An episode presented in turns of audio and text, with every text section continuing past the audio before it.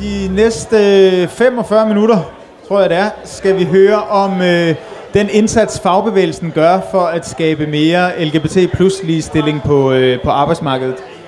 Øh, jeg skal bede jer være lidt mere stille, end I er nu. Særligt jer nede bagved. Tak. Øh, jeg giver nu ordet til, øh, til Rikke, som vil introducere sit øh, panel. Hej og hjertelig velkommen. Vi starter lige med at lave nogle otte-tal, og det er sådan noget, vi godt kan lide at lave hos FIO Ligestilling. Så hvis I lige alle sammen tager armene op, så laver vi lige nogle otte-taller. Så kommer vi lige til stedet og integrerer hjernehalvdelene. Og det var sådan noget, Native Americans synes også var godt i forhold til at forbedre relationer. Velkommen til FIO Ligestillingsarrangement. Øh, vi er mange i dag, som I kan se, og det er fordi, vi har så meget på hjertet, så vi har et stramt program, vi går i gang med. Vi er her, fordi at øh, LO har afsat nogle penge til et LGBT-undervisningsprojekt gennem FIU Ligestilling, og de er jo på den måde frontløber i forhold til andre fagbevægelser, der stort set intet gør på baggrund af den store undersøgelse, der var sidste år, der viste, at det står rigtig skidt til for LGBT på arbejdspladsen. Så om lidt giver jeg ordet til Nana Højlund, som er næstformand i LO. Bagefter vil Christine Esrom Ravnkær, som er projektleder for ligestillingsprojektet hos FIU Ligestilling, sige lidt.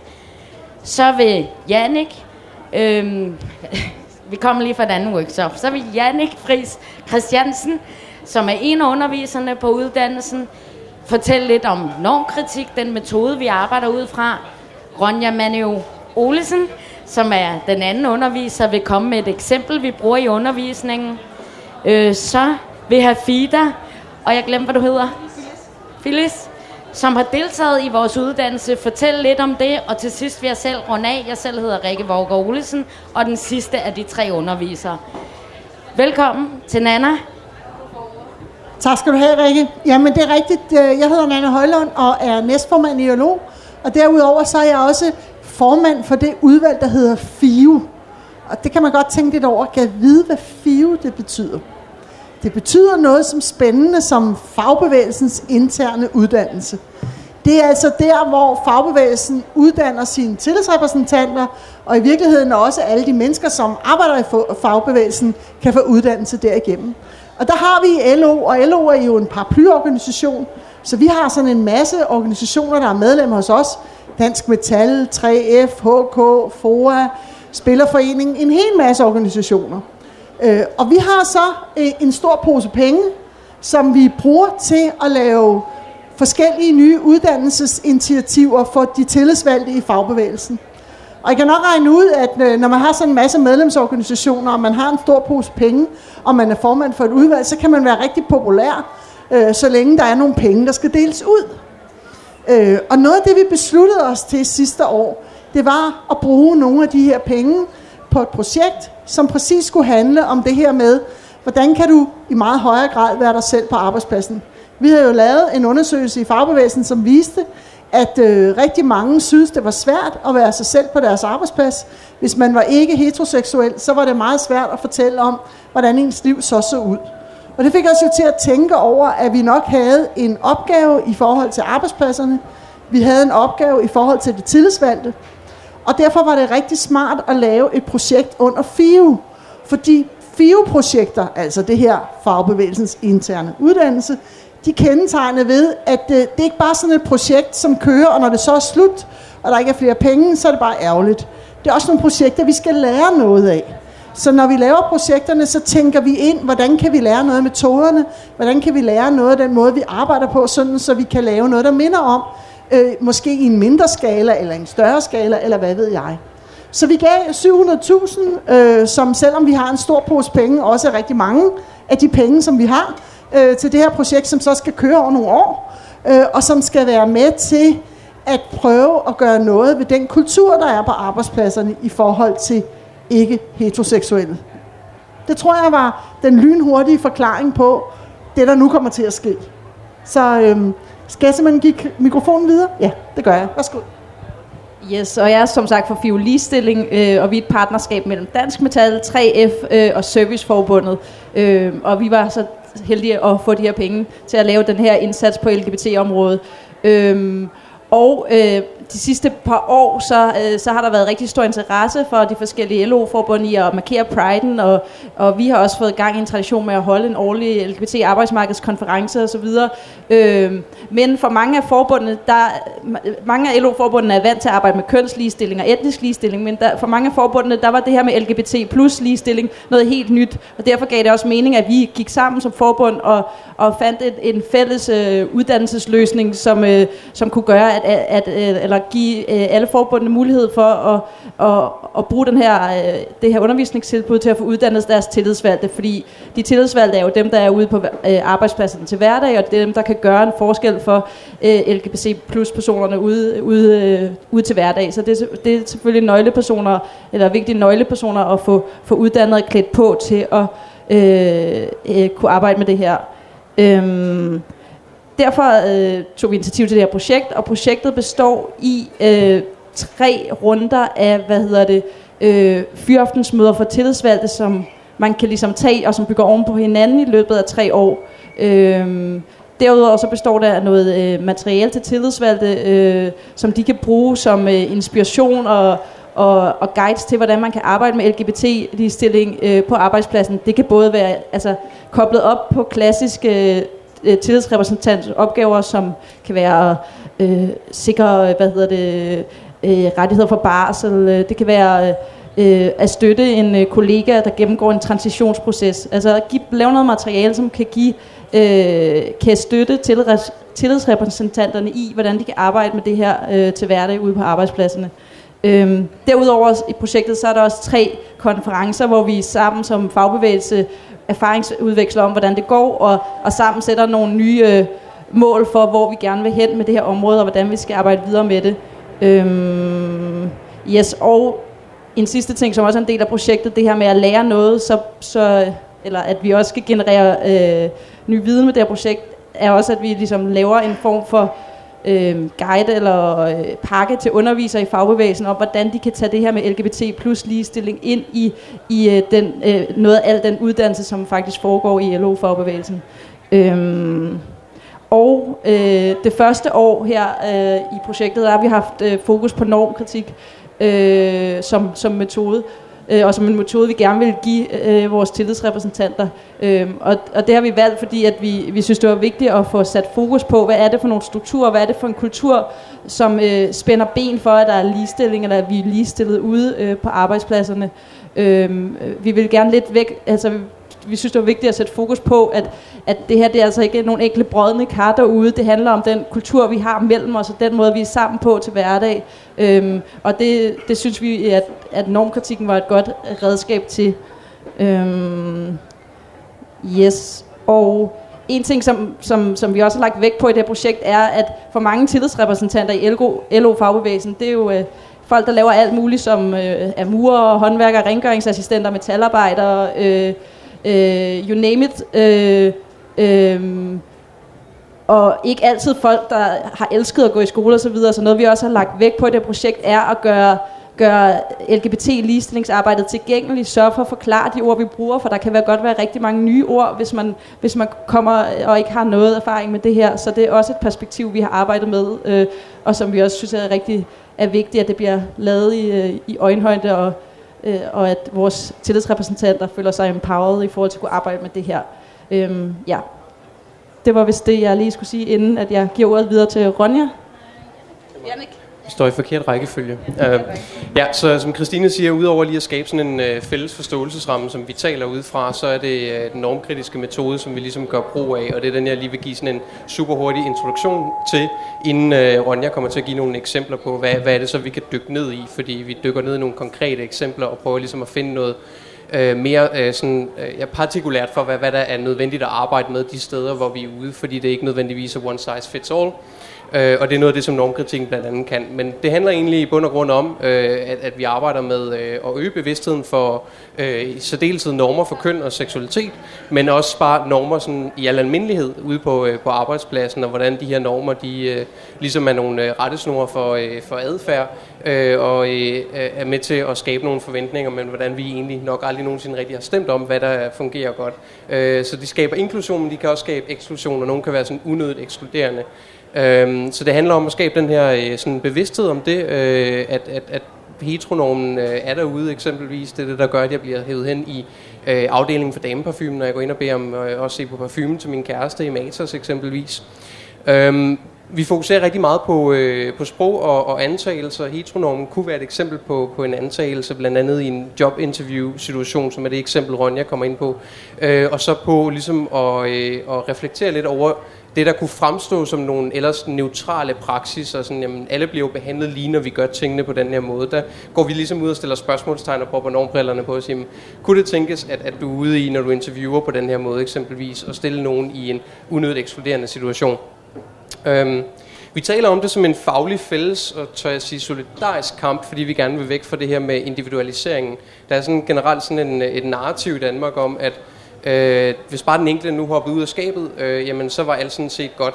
Øh, og vi ved fra undersøgelser, øh, at, at det er en dynamisk proces, det at komme ud af skabet. Det er ikke bare en engangsforestilling.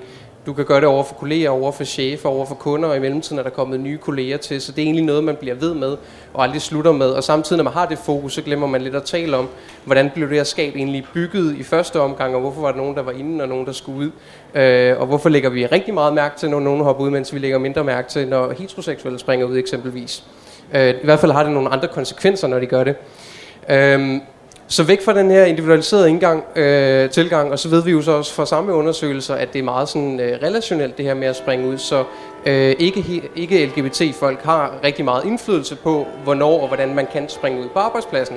Øh, så vi vil jeg sige, at nok pointen nuancerer billedet lidt ved at tage den her sådan normkritiske tilgang, så vi arbejder med organisationen som helhed, og altså med alle medarbejdere, hele ligestillingsudvalget, og ikke bare LGBT-personerne. Og så var det René, yes. Ja, øhm, så øhm, som Jannik siger, så prøver vi ligesom, når vi er, øh, når vi er ude, og, øh, og som også som Christina har sagt, kommer vi ligesom med nogle eksempler på, når, hvad kan man, øh, hvad kan man, hvordan kan man arbejde, hvordan kan man gå til det her med at arbejde med normkritik, og med at sætte fokus på normer. Øhm, og øh, ret tit så kommer, vi har haft nogle meget spændende diskussioner med mange forskellige mennesker øh, ude på arbejdspladser og i lokale øh, afdelinger osv. Øhm, og tit så er det også, øh, så har folk jo også spørgsmål sådan, hey, når, man, hvad betyder øh, de her ord overhovedet, og når man jeg har hørt, at det her er et problem, eller på vores arbejdsplads, der har det her været en udfordring, så på den måde tager vi også udgangspunkt i, hvad dem, der sidder i lokalet, øh, har brug for, at vi øh, snakker om. Øhm, og det er rigtig øh, spændende og vigtigt selvfølgelig. Men noget, vi ligesom altid prøver at komme ind på, det er ligesom sådan noget med arbejdspladskultur for eksempel. Det kan være sådan noget med, når man, øh, hvis vi skal kigge normkritisk på hele vores arbejdsplads, så er der faktisk flere niveauer, vi kan gå ind på. Det handler både om at kigge på, okay, hvis vi skal arrangere øh, noget så øh, banalt som en øh, julefrokost, når man, øh, hvordan kan vi gøre den her øh, julefrokost mere tilgængelig for mange forskellige medarbejdere? Det kunne for eksempel være folk, der ikke drikker alkohol, folk, der ikke spiser kød. Det, øh, er, er invitationen bygget op sådan, når man tager din mand eller kone med, og har man overhovedet lyst til det? Er det, øh, er det ligesom et trygt sted at komme hen med sin partner, hvis man for eksempel ikke er heteroseksuel? Øh, hvad hedder det? Det kan også være sådan noget med, hvad med arbejdsfordeling? For eksempel til julefrokosten, er det øh, at alle kvinderne, der, øh, der skal pynte op, og, øh, og alle mændene, der skal, der skal bære ølkasserne og være DJ's. Øhm, det kan også være øhm, sådan noget med, om hvad for nogle uniformer, øh, for nu at tage et andet niveau, Øh, er der uniformer på arbejdspladsen, som man skal, altså arbejdstøj, man skal have på? Jamen, er der, øh, er der, er der kun ligesom, er der sådan meget opdelt i sådan en, en mande- og dameuniform, og er det egentlig alle, der kan, kan man frit vælge, hvis nu man ikke lige havde lyst til at have dameuniformen på, selvom man var en dame?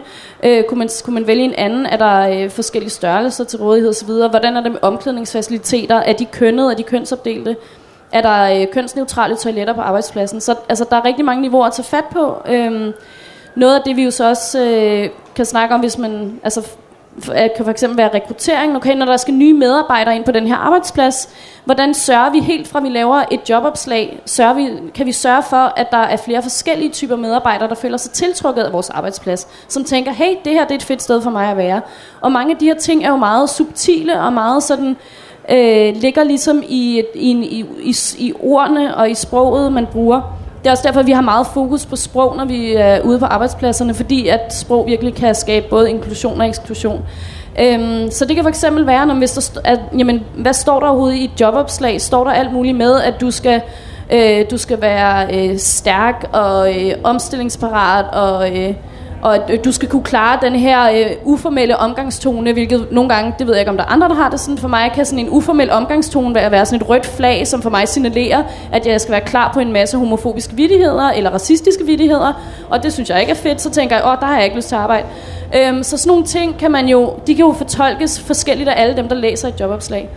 Øhm, og så sådan noget helt enkelt som at skrive i bunden, når man alle uanset kønsidentitet eller seksuel orientering osv. osv. er opfordret til at søge den her stilling. Øhm, men altså i det hele taget tænke over, når man de kompetencer, vi efterspørger, er de overhovedet nødvendige for at varetage det her job, eller er det faktisk noget, man godt kan lære den første uge på jobbet? Og har vi skrevet alle mulige øh, forventninger ind i det her jobopslag, som måske passer på den person, der havde jobbet før, men måske ikke nødvendigvis behøver at passe på den person, der skal have jobbet nu? Øhm, men ja, der er rigtig mange ting at øh, tage stilling til. Og øh, noget af det, vi også gerne vil opfordre folk til, når vi er ude, det er ligesom at tænke præventivt og tænke, okay, men det kan godt være, at vi ikke lige nu i vores afdeling på 10 personer har øh, nogle LGBT-personer, men det kan vi få. Vi kan også øh, få medarbejdere, som har familiemedlemmer og, og hvad ved jeg, øh, venner, som er LGBT-personer, fordi det, det er sandsynligheden meget stor for. Så derfor er det også at tænke, når man hvis der er en person her, som på et tidspunkt gerne vil transitionere, øh, og, ja, eller hvad nu hvis vi får en ansat, som er biseksuel, jamen så bliver vi nødt til at have tænkt over, hvordan kan vi have en behagelig omgangstone, hvordan kan vi øh, skabe nogle inkluderende fællesskaber, hvor alle faktisk kan være med. Øh, ja. Og så er altså selvfølgelig også noget af det, vi snakker om, nu blev det også sagt før, det her normkritiske perspektiv er jo faktisk øh, en lille smule øh, uduligt, hvis man tænker på det sådan kun i forhold til... Øh, til køn eller seksuel orientering eller kønsidentitet. Og det vi altid prøver at sætte fokus på, når vi er ude, det er også, at man bliver nødt til at tænke intersektionelt. Altså man bliver nødt til at se, hvordan forskellige former for normer, de ligesom, øh, og undertrykkelsesmekanismer arbejder sammen. Så vi også altid prøver at inddrage andre eksempler og sige sådan, man altså, der er også øh, på mange arbejdspladser en bestemt vidhedsnorm, eller en, øh, en norm for, at man skal være kristen, eller en norm for, at øh, man skal have en bestemt alder, eller man skal have... Øh, at man skal være, øh, at man for eksempel skal være gående, at man ikke kan sidde i kørestol eller har andre funktionsnedsættelser. Øhm, så det er sådan nogle ting, vi også prøver altid at komme ind på, fordi de her ting hænger sammen, og hvis man gerne vil have en indsats, som gør noget godt for LGBT-personer, så kan man med fordel sammenkæde dem med alle mulige andre indsatser for øh, minoritetsgrupper. Ja, tror jeg var det, jeg ville sige. Jamen, det var en rigtig fin overgang til det, jeg skal fortælle lidt om. Øh, mit navn er Hafida, og jeg er udviklingskonsulent i AUF. Og ved siden af, af mit øh, hvad hedder, fuldtidsjob, der er jeg coach for et af FIU Ligestillings øh, netværk. Øh, og det er det, som handler om, øh, eller det som, som øh, hvor vi har de etniske minoritetsmedlemmer øh, i netværket. Og det vi har arbejdet med i mange år, det er selvfølgelig den øh, altså kønsligestilling og den etniske ligestilling. Og det har været enormt berigende lige præcis at få, at få den der solidaritet henover, hvor vi, hvor vi også har øh, den altså, seksuelle øh, orientering indover, og, og, og, og have nogle rigtig gode diskussioner om det. Og jeg vil, jeg vil simpelthen nominere den her workshop som, øh, som øh, en af de allerbedste, vi overhovedet har haft, og som, hvor vi har lært rigtig, rigtig meget øh, i forhold til ligestilling øh, på arbejdsmarkedet. Øhm, øh, workshoppen den var meget inspirerende, og, og, og det her med at forstå, netop som du sagde, de subtile, subtile øh, mekanismer bag diskrimination.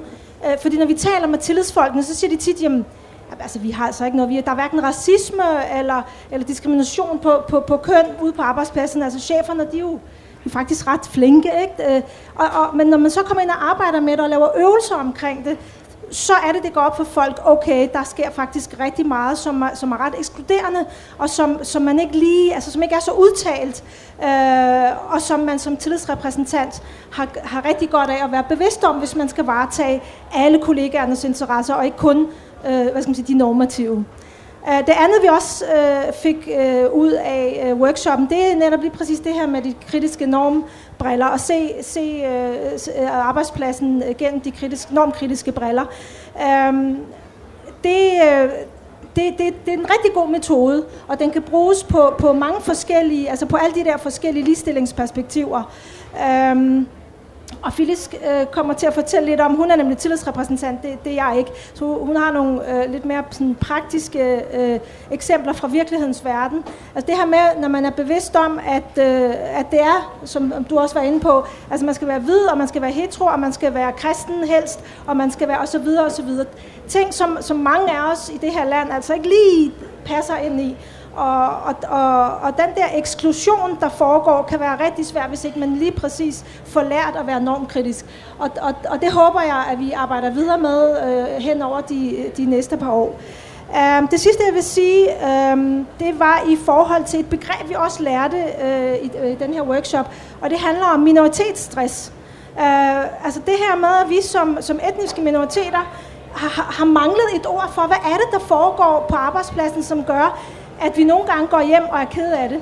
Og det kan være et meget, meget, meget, meget lille episode, der er sket i frokostpausen, eller i forbindelse med et møde, eller i en ganske almindelig snak med en kollega, som bare går rigtig, rigtig ondt indeni.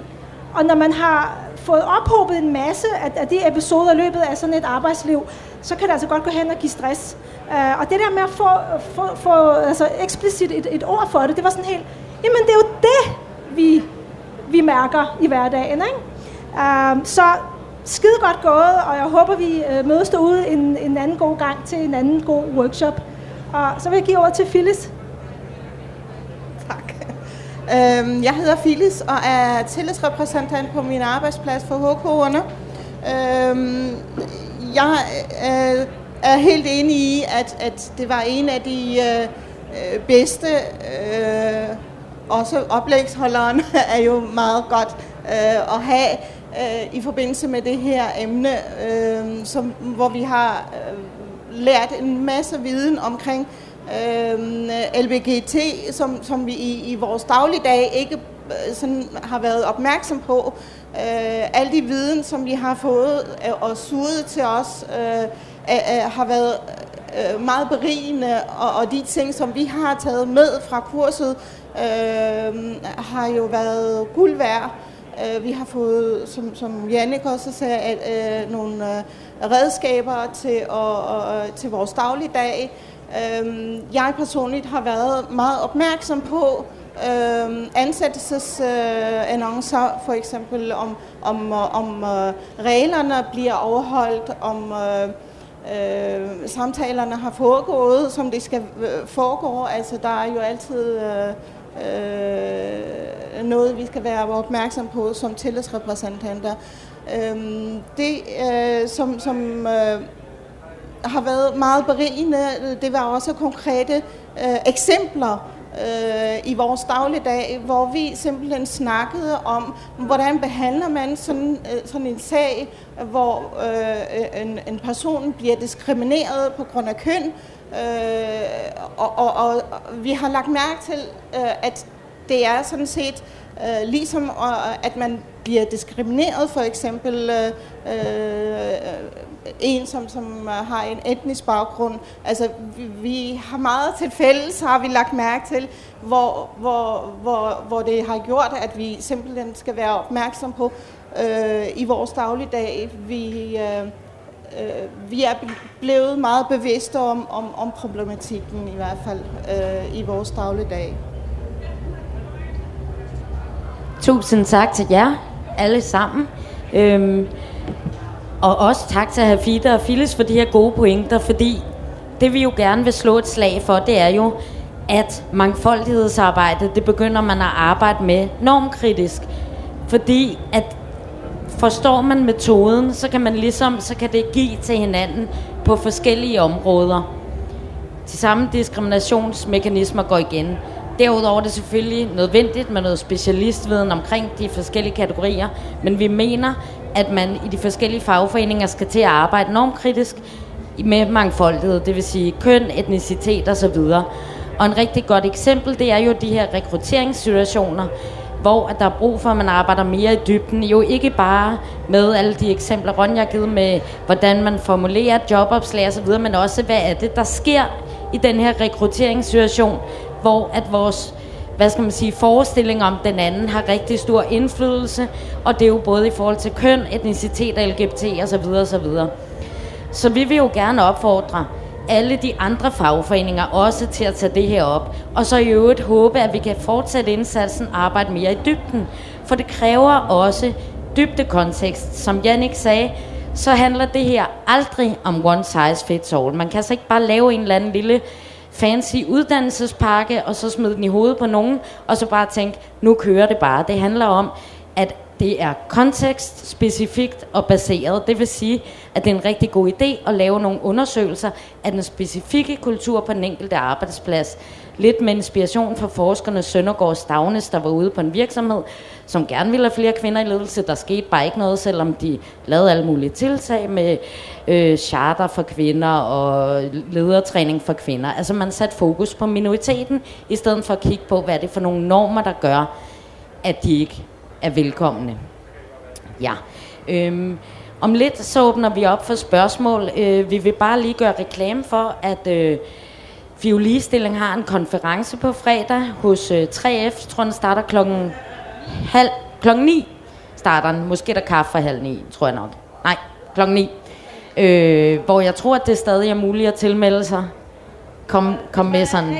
Ja der vil vi komme lidt mere i dybden med nogle af de her ting. Vi vil blandt andet, øh, vi har lavet en lang liste med handlinger, man kan gøre, og det er lige fra det helt basale, hvad kan en arbejdsplads gøre til, at man kan melde sig ind i arbejdsmarkedsnetværket for fagforeninger og arbejdsgiverorganisationer. Øh, man kan begynde at kortlægge, hvad er det for en viden, vi har med LGBT og normkritik her i organisationen, udpege ansvarlige for området, main, LGBT mainstream en overenskomst, Øhm, kigge på, hvordan mainstreamer vi normkritikken ind i vores mangfoldigheds- eller vores arbejdsmiljøarbejde, så det rent faktisk bliver for alle det her arbejdsmiljøarbejde. En lang række handlinger. Frem for alt, så vil vi gerne slå på et trum for, at man kvalitetssikrer den her indsats med den nødvendige forskningsbaserede viden, sådan så man ikke øh, hiver en eller anden ind for gaden til at varetage det her. Øhm, så vil vi gerne sige, at det er helt nødvendigt med uddannelse. Og her der er det som minimum ledelsen, der skal på uddannelse. Det skal simpelthen være en trickle-down-effekt. Det er vigtigt, at de politisk valgte og de ansatte i ledelserne, i fagforeningerne, de har viden om det her. Fordi så har det en afsmittende effekt. Og så kan det være, at vi kommer ud over det stadie, hvor at ens indsats handler om at sætte et regnbueflag op til priden, som det jo har været traditionelt i Danmark. Her går Sverige jo foran, hvor de har en meget seriøs indsats, men det kan I høre mere om på fredag. Jeg tror nok, tiden løber. Ah, det er ikke så slemt. Men øhm, jeg tror, at vi åbner ballet nu, hvis der er nogen, der har spørgsmål, kommentarer. Jeg tror lige, vi laver nogle otte og så gentager jeg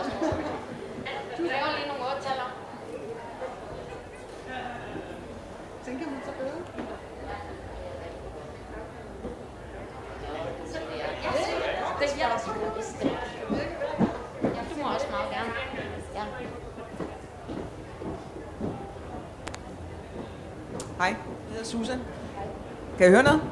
Øh, ja, jeg vil høre, øh, nu er jeg selv på en meget, meget lille arbejdsplads, øh, og hvor mange, hvor mange skal der være på en arbejdsplads, før man kan få, få noget mere viden, og måske få nogen ud og fortælle lidt om det?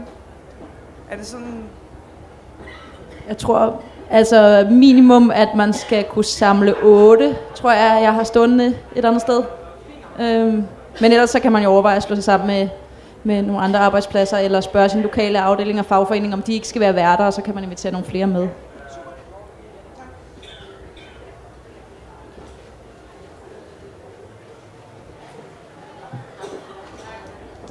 Nej, jeg har, jeg har ikke noget, noget spørgsmål, men øhm, jeg tænker i hvert fald, at det her med, at, at nu kører det jo rigtig godt, fordi det er sådan et projekt, og der er penge i det og sådan noget. Ikke? Det, der bliver rigtig vigtigt, er jo også, at det bliver efterspurgt. Fordi hvis vi laver sådan noget her i fagbevægelsen, så er det jo rigtig vigtigt, at, øh, at nogen siger, det var super godt, det vil vi gerne have noget mere af, det kunne vi bruge til noget. Vi blev klogere, vi blev både klogere om, om den ene og den anden form for, for diskrimination, der finder sted på arbejdspladsen. Så det er måske også sådan lidt et spørgsmål til jer. Altså, kunne I ikke også være med til at efterspørge det der, hvor I er medlem af en fagforening? Fordi man kommer til at stå sådan lidt alene ellers. Hvis der ikke er nogen, der efterspørger det, så lyder det som om, at det er mig og et par stykker over i metal og i tre efter synes, det er en god idé, og resten af, af verden, de er sådan set lidt ligeglade. Så der er brug for det her. Så det er også sådan måske et spørgsmål ud til jer, øh, Er det noget, I snakker med den fagforening, I er medlem af, hvis I er medlem af en fagforening om, at der er brug for på arbejdspladsen? Fordi det er i hvert fald vigtigt for os, der står inde i fagbevægelsen. Fordi vi er jo så demokratisk styret, så vi gør jo ikke ret meget, hvis ikke vores medlemmer synes, vi skal gøre det. Er det noget, I nogensinde har diskuteret på en generalforsamling? Nævnt over for nogen i den fagforening, I er medlem af? Kunne I finde på det? Altså, det er ikke så overraskende, hvis I sidder og tænker, hvad taler hun om? Fordi den her store undersøgelse fra 2016, der spurgte man jo netop også om, ja, om folk følte, de kunne gå til deres uh, tillidsrepræsentant eller arbejdsmiljørepræsentant, hvis de havde bekymringer i forhold til, var det ikke at kunne være åben? Ja. Så man spurgte jo ikke om bekymringerne i forhold til at være åben. Øh, plus at den her undersøgelse viste faktisk, at det kun var 35 procent, der svarede ja. Eller med andre ord, langt over halvdelen enten ved ikke, eller siger nej til, at de kan gå til deres TR eller AMR. Så generelt kan man sige, nu jeg basher ikke LO, jeg taler om fagbevægelsen generelt i Danmark, har jo et problem, et ret stort problem, kan man sige. Kan man sige, som det positive eksempel, en lille bitte fagforening i Sverige, som fysioterapeuternes fagforening, som vi inviterede herned for et par år siden for at udbrede de gode erfaringer. De kunne jo fortælle, de havde faktisk spurgt deres medlemmer, øh, om de var LGBT'er. De kunne se, at der var en 35% mindre organiseringsgrad blandt LGBT-personer. Og det tog de jo så et tegn på, at pilen pegede den her vej. Vi må hellere gøre noget, for de føler sig åbenbart ikke set. Og, og det, jeg bliver ikke øh, hverken ked af det eller noget over at høre den slags. Jeg tror, jeg kan genkende det rigtig godt, at det er noget, der har været fremmed for store dele af fagbevægelsen i Danmark. Det synes jeg, der ikke skal være nogen hemmelighed. Øh, det er også derfor, at, at jeg kommer med opfordringen. Men den anden lille krølle på den sag, det var jo den her undersøgelse, vi lavede sidste år, som der er blevet refereret rigtig meget til, hvor svært det var at få den lavet. Fordi vi kunne ikke få lov at spørge. Vi kunne ikke få lov at spørge til folks seksualitet. Danmarks Statistik ville ikke lave den for os. De sagde, det kan man ikke spørge om. Det vil sige, at vi har også en eller anden berøringsangst i Danmark for overhovedet at stille spørgsmålet. Og det har jeg i hvert fald spekuleret meget over. Hvad betyder det? Fordi øh, jeg var på en studietur i London, og der fortalte de, at derovre der er det sådan meget almindeligt, at man spørger til den slags på virksomheden. Fordi som han sagde ham på virksomheden, hvis ikke vi spørger, hvordan kan vi så vide, om der er nogen, vi diskriminerer?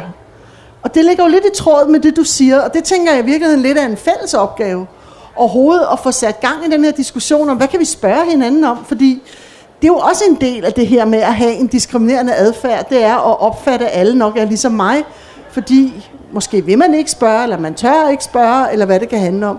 Så der er simpelthen rigtig meget, men, men selvom at man tænker det der om sin tillidsrepræsentant og sin arbejdsmiljørepræsentant, så vil jeg bare sige, at det spiller en rigtig stor rolle i forhold til, hvad det er for nogle opgaver, at fagbevægelsen kaster sig over, at der er nogle medlemmer, der beder sin fagforening om det.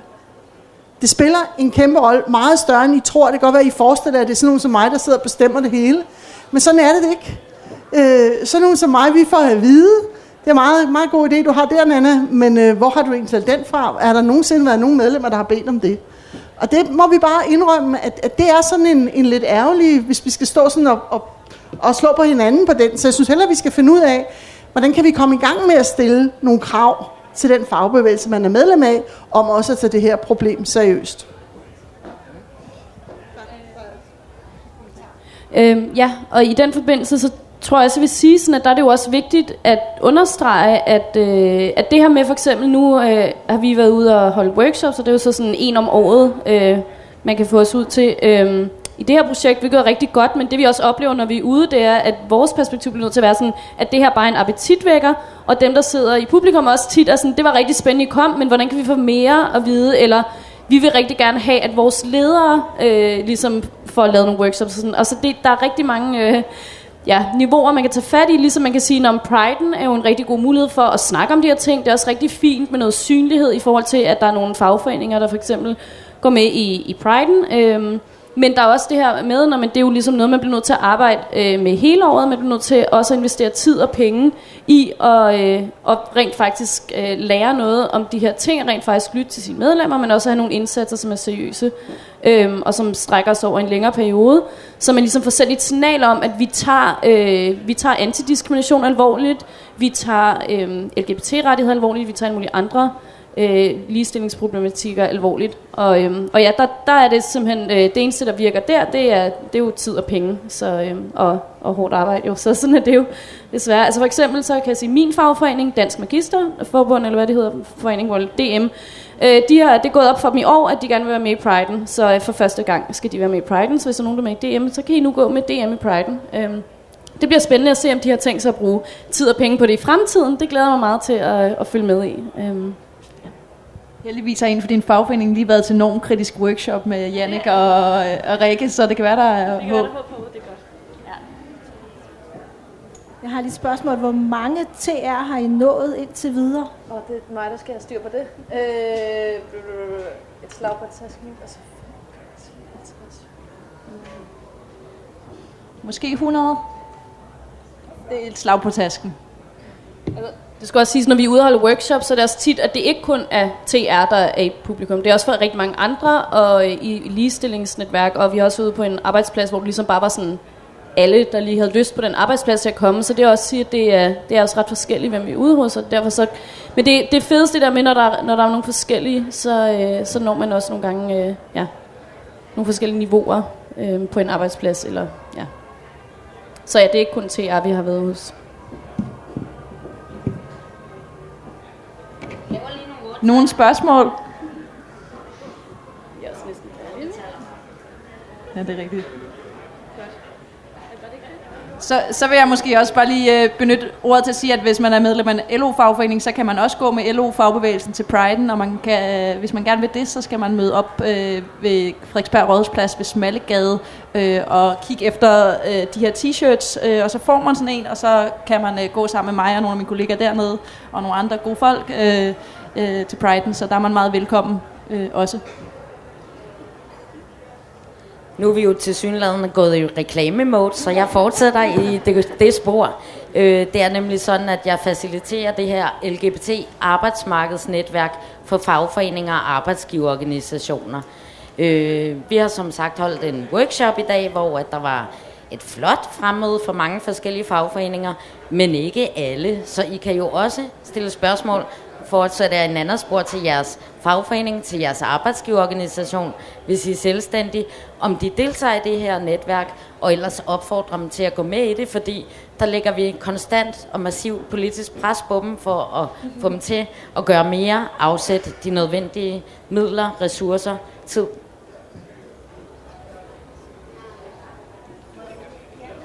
Vil du sige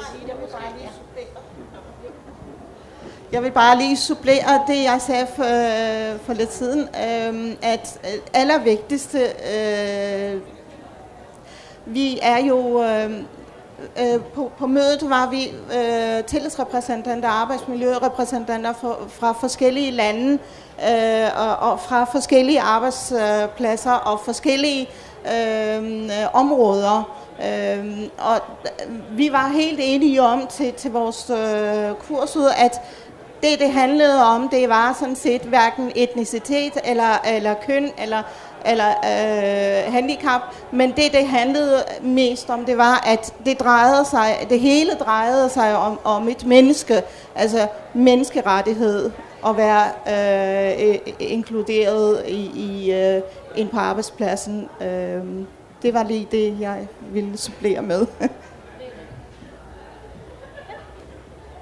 Er der flere spørgsmål og kommentarer?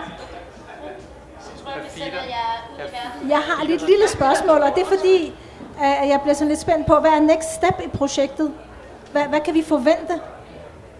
I kan forvente at få et spændende follow-up tilbud om øh, mere undervisning inden for LGBT-ligestilling på arbejdspladsen. Vi kommer til at fokusere på øh, nogle øh, konkrete, hvordan man kan LGBT mainstream nogle konkrete TR-opgaver, som man i forvejen er vant til at have. Hvordan kan man tænke LGBT plus medlemmerne ind i det TR, de, de konkrete TR-arbejdsopgaver, man i forvejen laver, eller arbejdsmiljøopgaver. Så det, det er nok det, det kommer til at handle om på en eller anden måde næste år.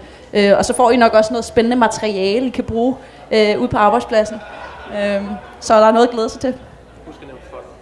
Og øh, folder. Det, jo, hvis man er tillidsrepræsentant, eller har en tillidsrepræsentant, man, sy- der, man synes kan blive skarpere på det her, så ligger der nogle folder. Er det herover? derovre, øh, så kan man jo lige tage den med sig, eller man kan tage den med sig og give den til sin TR eller sin arbejdsmiljørepræsentant og sige, hey, her der er noget, øh, vi måske kunne gøre noget ved på, på arbejdspladsen. Øh, så tag den endelig med ud i verden.